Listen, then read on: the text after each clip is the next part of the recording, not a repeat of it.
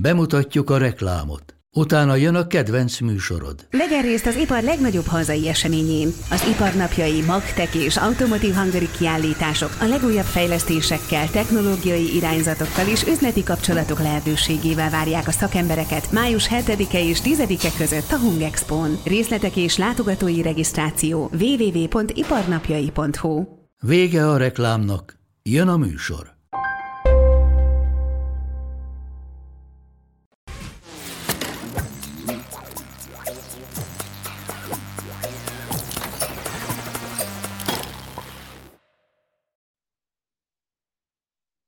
Szeretettel köszöntünk mindenkit itt az Index kibeszélő Home Office adásában hétfőn.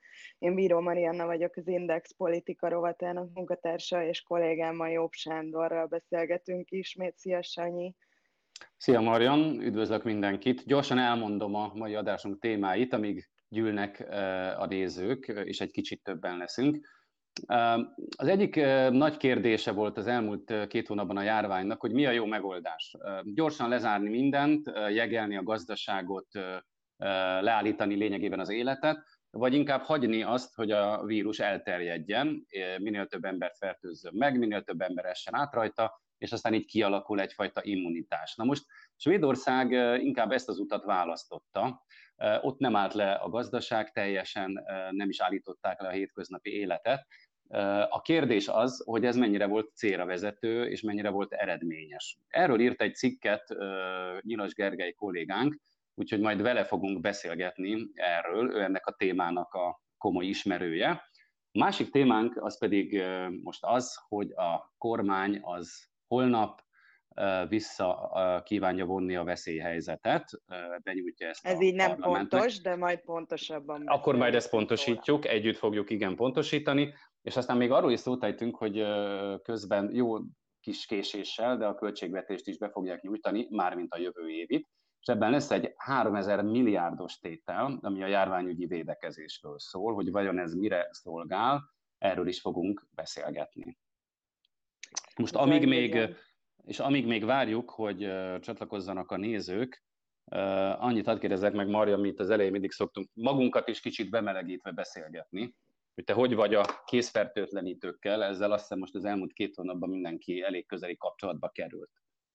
Te én a járvány előtt is kicsit mániákusan használtam ezt, mióta a családunkban kisgyermek született, a kis unoköcsém születése óta már négy éve, de mióta itthon voltam karanténban, és borzasztóan túl használtam, hát lényegében meggyűlöltem, mert a kezeim, a kézbőröm tökéletesen tönkrement. Persze nem csak a kézfertőtlenítő gélektől, hanem ezektől a fertőtlenítő szerektől is, amikre újra és újra felhívja az országos tisztifőorvosa a figyelmünket a fontosságukra, és hogy jót választunk arra is. Viszont a már választás, nem tudom, téged nem idegesíte, az, hogy mennyire megdrágultak ezek, úgyhogy én, én már spórolok, és csak amikor élelmiszerboltba megyek vásárolni, és még gumikesztyűt is hordok, akkor szoktam csak használni most már. Előtte meg Na. utána.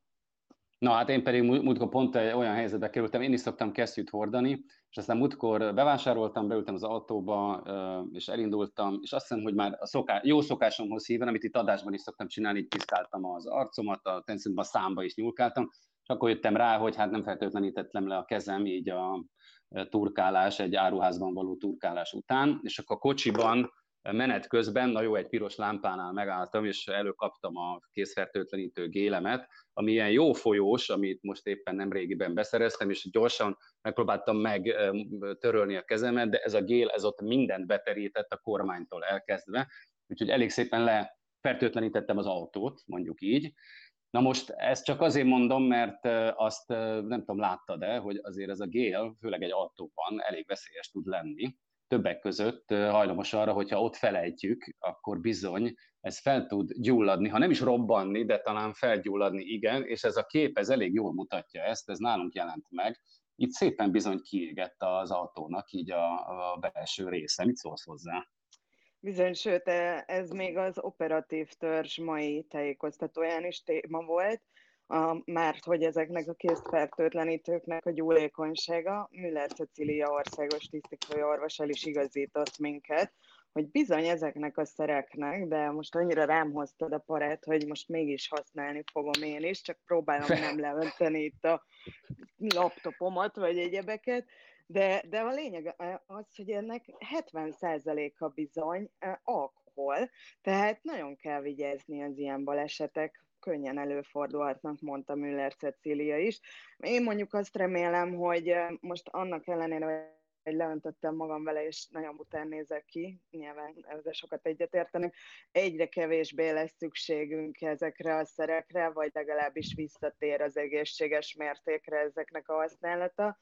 De hogy miért is reménykedhetek én ebben, térjünk rá a lényegre, Sanyi, most már eleget vártunk, hogy áll a járvány ma? A járvány most már az a jó, hogy egyre kevesebbet kell ezekről az adatokról beszélgetnünk, mert elég jól láthatók, hogyha nézzük a grafikonokat, hogy ezek csökkennek, ezek az adatok. A lényeg ma igazából, vagy mostanában már az, hogy több a gyógyult, mint az aktív fertőzött. Ha nézőink látják, ugye történt pár nappal ezelőtt egy fontos fordulat, tehát igazából ott a gyógyultak száma, a kék az ugyebár megelőzte, túllépett az aktív fertőzöttek számán, tehát ugye ez szokott lenni annak a biztos jele, hogy egy járvány az szépen lecsengőbe van. Egyébként csak nagyon röviden az aktív fertőzöttek száma most 1554, 42 százalékuk és az elhunytaknak a 60 százaléka, illetve a gyógyultak 49 százaléka azért az Budapesten van. Ami érdekes, még itt megkérem a, a Marcit, hogy menjen vissza az új fertőzöttek számára. Ugye innen látszik azért az, hogy bizony egyre-egyre kevesebb a napi új fertőzöttek száma, tehát valóban egy lecsengő szakaszban vagyunk. Mindig szomorú a halottakat számolni, most 491-nél tartunk. Ez megint csináljunk egy gyors kis összehasonlítást, megnéztem ezeken a nemzetközi oldalakon. Egy millió lakosra vetítve, ha nézzük, akkor Olaszországban 542 ember hunyt el, megjegyzem, hogy Spanyolországban ennél még több, 600 valamennyi. Svédországban, amiről majd szót ejtünk, ott 399, az 1 millióra lakosra jutó elhunytak száma. Az Egyesült Államokban azt most nem tudjuk megmutatni 300, a szomszédos Ausztriában 71, és Magyarországon 1 millió lakosra 51 koronavírus miatt elhunytat tartunk jelenleg nyilván. Tudjuk, hogy itt a statisztikák azért eléggé szórnak, és még annyi, hogy most 1711-en már gyógyultan távoztak a kórházból.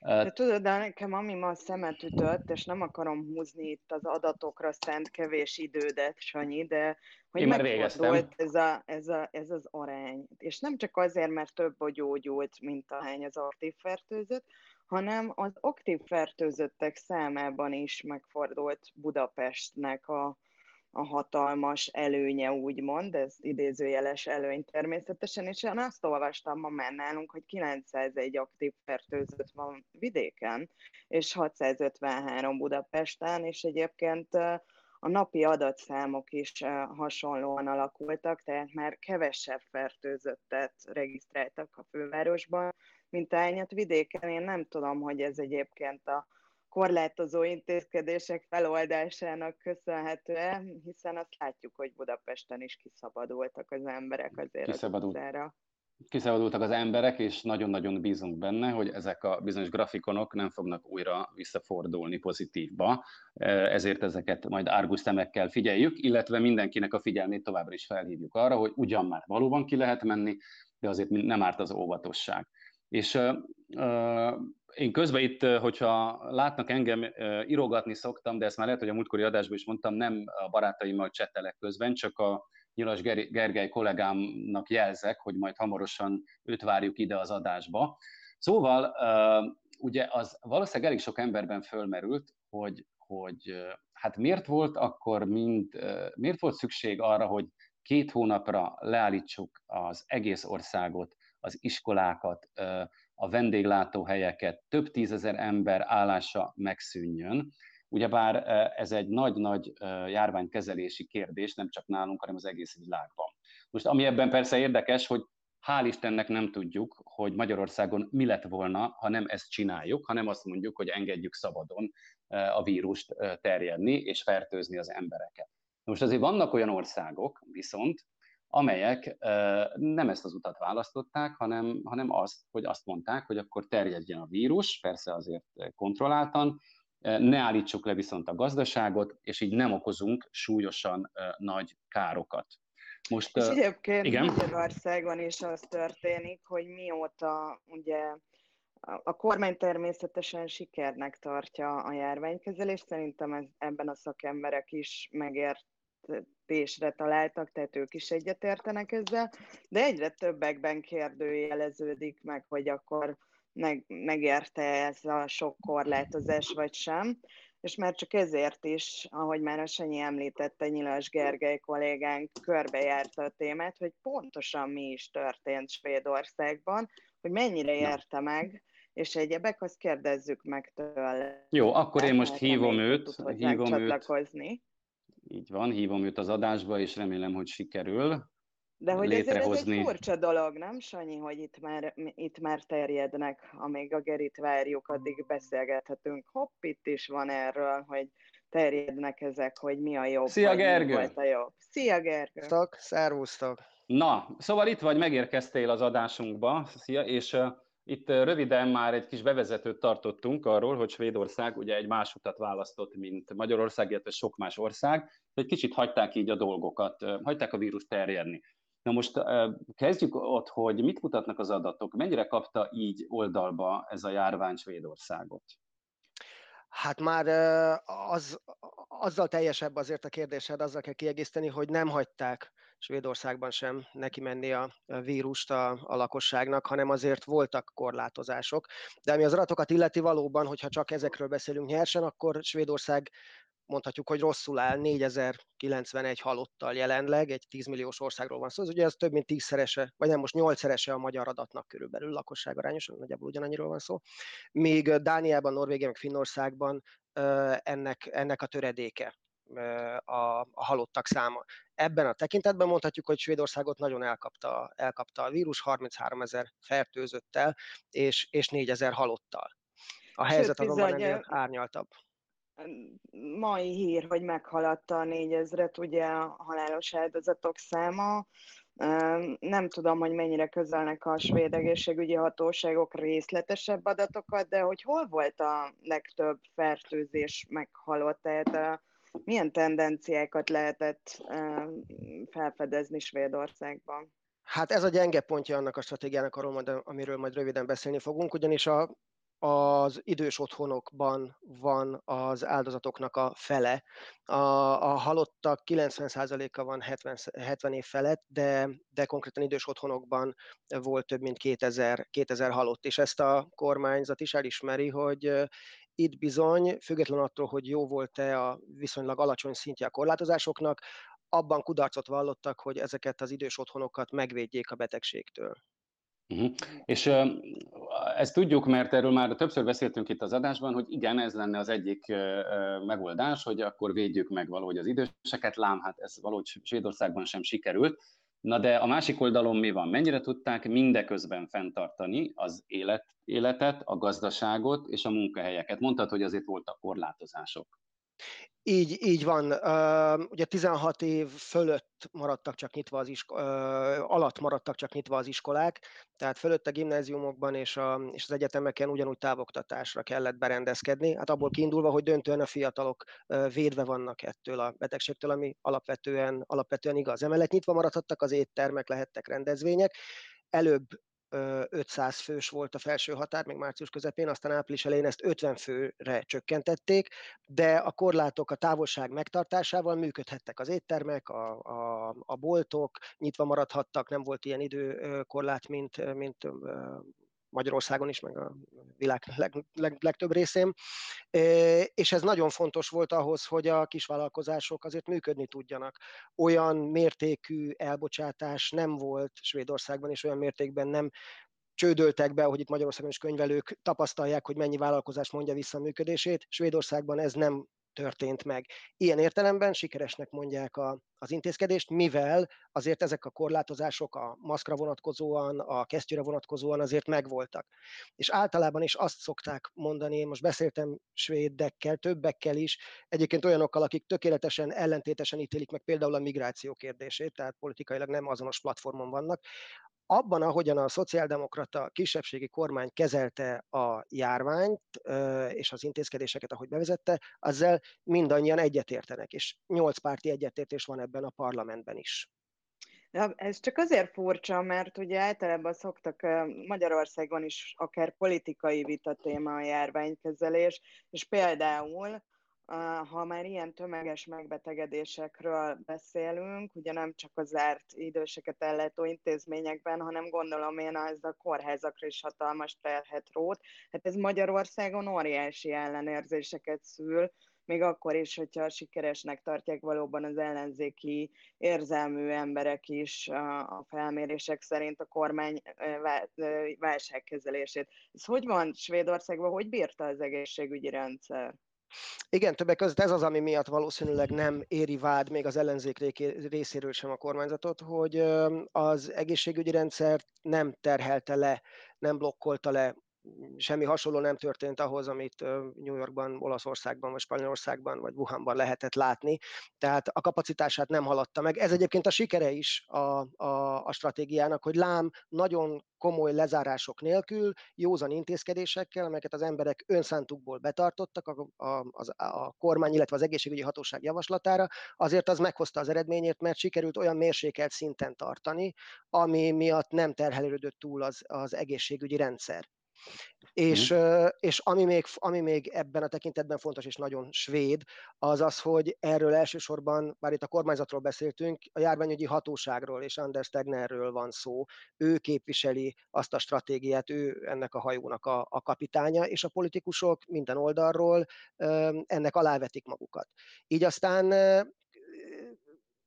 bőre szakmai kérdés, nem pedig politikai kérdés az, hogy, hogy hogyan kezeljék a járványt. Na de Gergő, én azért kíváncsi leszek arra, jó, hogy valószínűleg itt is lezárulnak így a dolgok, hát vajon nem fogja ezt azért a helyi politika ott felvetni, hogy na jó, oké, tehát tök jó, hogy életbe tartottuk a gazdaságot, de hát nálunk négyezer ember halt meg, több mint négyezer ember, a szomszédban meg hát pár száz.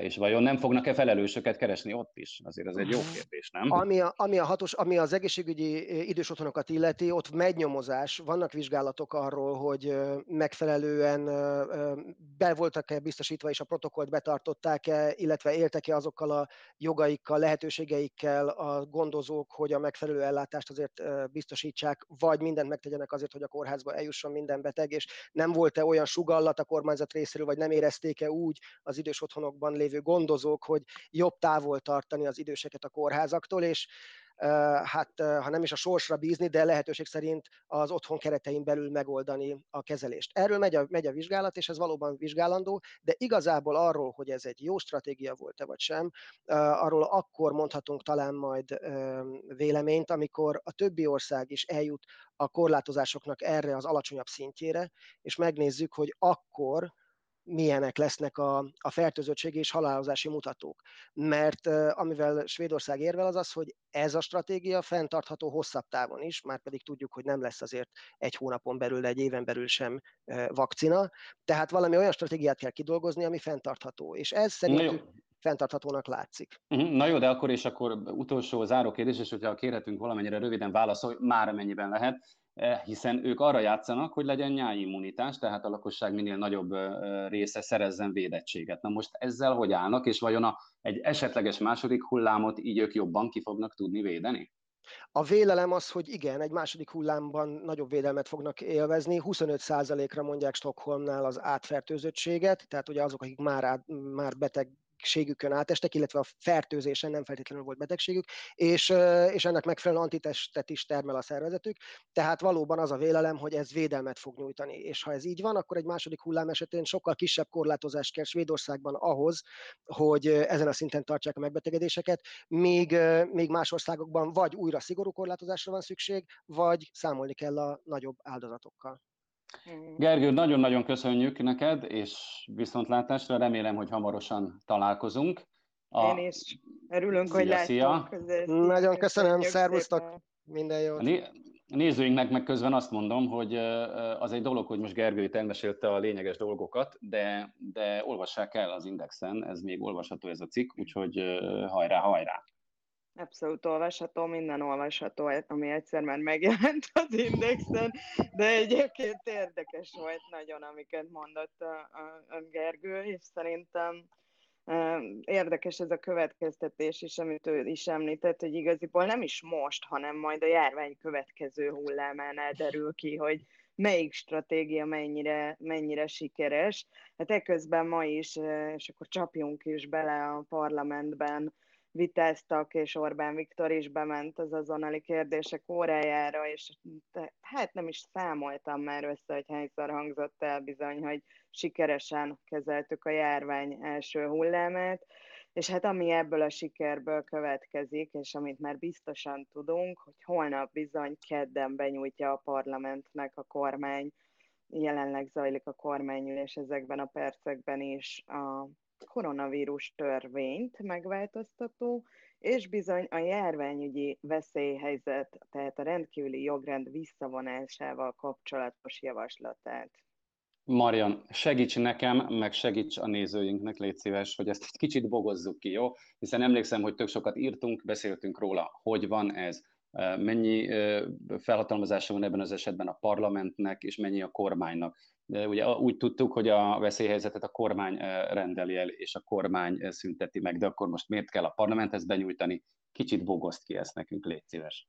Hát szerintem is érdemes ezt á, többször tudatosítani, hogy bizony a veszélyhelyzetet így is a kormány rendeli el, és fogja majd visszavonni, semmi köze nincsen a koronavírus törvénynek ahhoz, hogy az alkotmányból, alaptörvényből milyen felhatalmazása van a kormánynak, már pedig a rendkívüli jogrend kihirdetésére és visszavonására vonatkozó jogkörök azok a kormánynál vannak, és természetesen az abszolút többsége, a kétharmados többsége is rendelkezésre áll a kormánynak ahhoz, és ez a valószínűbb ebben a holnap benyújtott javaslattal is, hogy bizony néhány rendelkezést amelyeket a, a veszélyhelyzet idején hozott, akár törvények vagy törvénymódosítások formájába tovább vigyen majd arra az időszakra, amit egyébként Orbán Viktor maga úgy nevez, hogy a járványügyi készültség az fenn kell, hogy maradjon. Ugye a veszélyhelyzetet visszavonják, ez egy hatalmas fricska lesz a nemzetközi közbeszédnek,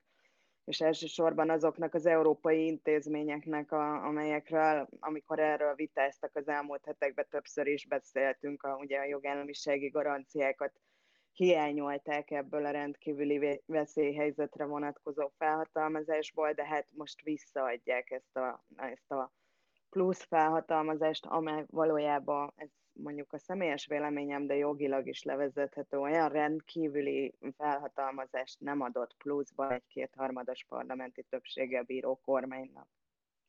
És ugye közben bocsánatkérést is kívánnak mindenkitől, aki azzal gyanúsította őket, hogy rombolnák a demokráciát. Na most azért abból, amit elmondasz, abból persze az is következik, hogy jó, de hát akkor, ha megint úgy alakul a dolog, akkor ezt a bizonyos veszélyhelyzetet és ezt a különleges jogrendet újra be tudná vezetni a kormány. Ez teljesen egyértelmű, bármikor bevezetheti. Itt a veszélyhelyzet idejére vonatkozóan sincsen korlátozás. Biztos vagyok benne, hogy egyfajta politikai nyilatkozat vagy egy törvénymódosítás indoklásaként megjelenik majd az, hogy a parlament indokoltnak látja visszavonni ezt a veszélyhelyzetet, illetve a, a normális jogrendhez való visszatérést, de ezek gyakorlatilag szavak, a kormány dönt arról, hogy van-e veszélyhelyzet, lesz-e veszélyhelyzet, és a, arról is, hogy az meddig tart. A parlamentnek a veszélyhelyzet idején hozott kormányrendeletekkel kapcsolatban volt a koronavírus törvény előtt szerepe igaziból, hiszen ezek eredetileg az alaptörvény alapján 15 napra szólnak, de miután a Fidesz-KDNP elfogadta, ugye tudjuk vitás körülmények között, azt a bizonyos koronavírus törvényt ennek a veszélyhelyzetnek az idejéig szóltak, vagy szólnak ezek a mostani rendeletek. A holnap benyújtandó törvény, és ez már csak egy félmondat, Sanyi, az valószínűleg azt fogja tartalmazni, amit Gulyás Gergely már említett is, hogy például van, lesznek-e olyan kormány döntések, amit érdemesnek tartanak ebben a már nem veszélyhelyzetben, hanem járványügyi készültség idején is fenntartani. Na hát ez az, ami, na igen, pontosan ez foglalkoztat engem, hogy ö, megint csak azt mondom, ha én kormány lennék, ö, és persze részben értem, egy veszélyhelyzetben ö, kell, hogy bizonyos értelme gyorsan lehessen cselekedni, de ugye bár ilyenkor megkedvelhet azért egy kormány olyan lehetőségeket, hogy hát elég gyorsan rendeletekkel tud magának tud kormányozni és tud lépni, Vajon azzal, hogy most majd holnap ugye indítványozzák ennek a veszélyhelyzetnek a megszüntetését, hát lehet-e meghagyni olyan jogosítványokat a kormánynak, amik ebből a bizonyos veszélyhelyzeti és különleges jogrendi időből származnak a normál időkre? Mint ezt említettem is, Gulyás Gergely már a múlt heti kormányinfón, és Orbán Viktor maga is beszélt erről a múlt héten, hogy bizony szeretnének bizonyos rendelkezéseket fenntartani. Én biztos vagyok benne, hogy nem a kijárási korlátozások elrendelésére, vagy egyéb ö, ö, ö, tényleg közegészségügyi jogosítványokra vonatkozik majd ez a, ez a fenntartandó intézkedés, tehát nem tudjuk még jelenleg, hogy a kormány milyen plusz jogköröket szerezhet, de benne van a pakliba, mint ahogy egyébként az is benne van a pakliban, hogy, hogy a kormány akár teljesen oda nem illőnek tűnő jogkörökre igyekszik majd szert tenni ennek a farvizén. Ezek persze csak találkozások, ezek, ez mind nem biztos. Ami biztos, hogy holnap végre megtudjuk, ha megismerjük ezt a javaslatot, hogy konkrétan a kormány mikor tervezi visszavonni a veszélyhelyzetet,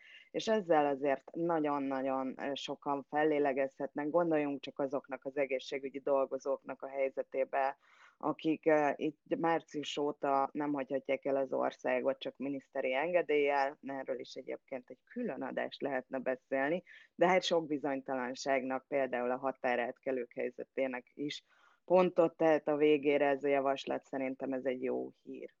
Jó, és hát ugye ennek egyik folyamánya, hogy Varga Mihály az most bejelentette, hogy kedden benyújtják a 2021-es költségvetést is. Én nem tudom eldönteni, hogy ez jó vagy rossz hír, de van benne egy nagyon érdekes dolog, ami egyébként egy Varga Mihály által készített videón is látszik, hogy egy 3000 milliárdos járványvédelmi alapot fognak létrehozni a jövő évi költségvetésben. Nézzük meg ezt az elég érdekes kis videót.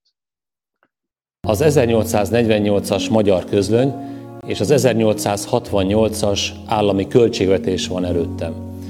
Mindkettő Magyarország önállóságának, nemzeti önrendelkezésének értékes tárgyi dokumentuma. Ez pedig egy pendrive-on a jövő évi költségvetés törvényjavaslata, amelyet holnap nyújtok be az országgyűlés elnökének. Kossuth Lajos 48-as költségvetési terve tartalmazott egy 1500 forintos előirányzatot is az akkoriban pusztító kolera járvány elleni védekezésre. Az élet úgy hozta, hogy a jövő évi költségvetésben is szerepelnie kell járványügyi kiadásoknak. A 2021-es büdzsében ezért egészségbiztosítási és járvány elleni védekezési alapot hozunk létre, közel 3000 milliárd forintos összeggel.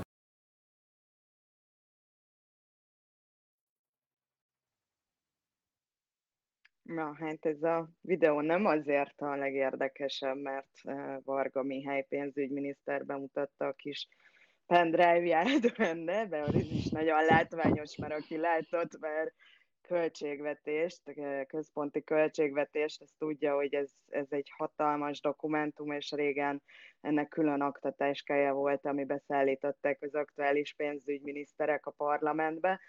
Nem, ez, a, ez tényleg a, ez a bejelentés, ez a 3000 milliárd forintos járványügyi, járványvédelmi alappal van összefüggésben, emiatt igazán rendkívüli hiszen Orbán Viktor alapján, és amiről előbb beszéltünk, az alapján azt biztosra vehetjük, hogy a kormány úgy tervez, hogy itt bizony még lesz dolgunk a koronavírussal és a járványjal, azt nem tudjuk még, hogy hogyan. Az is biztos, hogy ez a költségvetési tervezet, ahhoz képest, hogy itt már egyébként évek óta a kormány gyakorlatilag a tavasz elején el szokta fogadni a következő évre szóló költségvetést.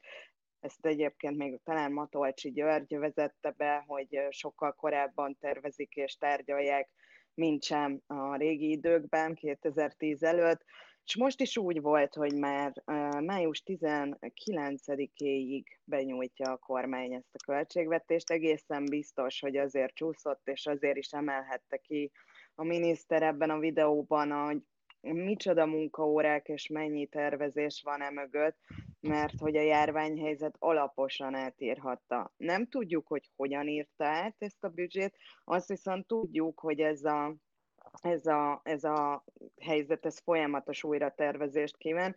Úgyhogy kíváncsian várjuk, hogy holnap mit ismerhet meg a közvélemény, és elsősorban az ezzel foglalkozó szakemberek, majd igyekszünk is ebben foglalkozni, ugye Sanyi? De egyelőre azért kicsit vakon vagyunk avval, hogy mit Igen. kezdenek ebben a járványügyi alappal. Így van, ez az, ami mondom engem foglalkoztat, meg hát ez egy érdekes címkéje. Azt számoljuk csak ki, 2000, legalábbis az idei költségvetésnek a teljes összeg az 21 ezer milliárd forint, tehát azért egy 3 ezer milliárdos tétel, azt kiszámoltam mondjuk az ennek a 14 százaléka, mondjuk jövőre is feltehetően körülbelül ennyi lesz a teljes költségvetés. Tehát ez egy elég komoly összeg, hogy egyáltalán valami tipped van, tényleg most csak tippelni tudunk, hogy ezt vajon mire, mire fogják fordítani ezt a pénzt. Csak az alapján tudunk tippelni, amit eddig már tettek, illetve mondtak a kormány tagjai. Az biztos, hogy eddig a, a járvány elleni védekezésre fordított összegek és a különböző mentőcsomagok hát legalábbis arányait tekintve biztos, hogy a gazdaság életben tartására és ilyen e, elsősorban beruházásokra és állásmentésekre folyt el a legnagyobb összeg.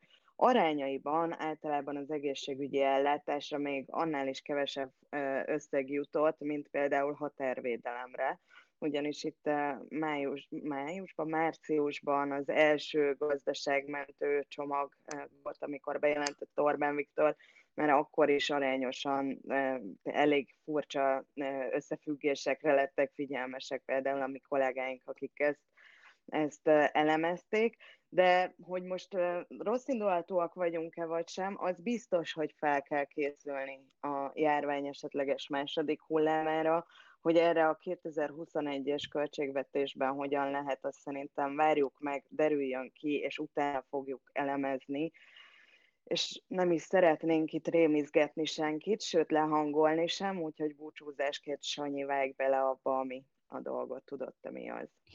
A pozitív. Mindig is egy pozitív hírrel igyekszünk zárni. Nekem az rendkívül pozitív általában, hogyha politikusok úgy kicsit lazítanak a nyakkendőn, és mernek hétköznapi emberek lenni, Norvégiában forgattak egy kampány videót politikusokkal arról, hogy mindenki tartsa be most is a távolságtartási szabályokat. Ez a videó itt közben látható, szerintem ez itt a tréner, de ebben a videóban bizony szerepel Ernst Solberg, norvég miniszterelnök is. Na hát, a Gyurcsány Ferencet annak idején láttuk táncolni, de el tudod ezt képzelni Orbán Viktorral? Vagy Kásler Miklóssal például?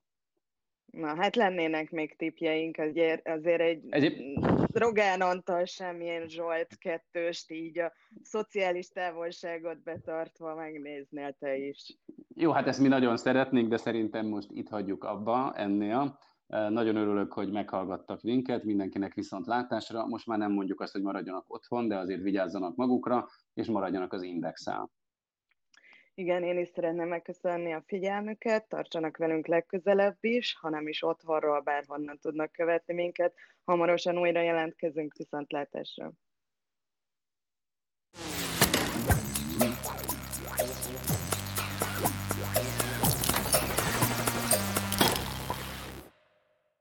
A műsor a Béton partnere.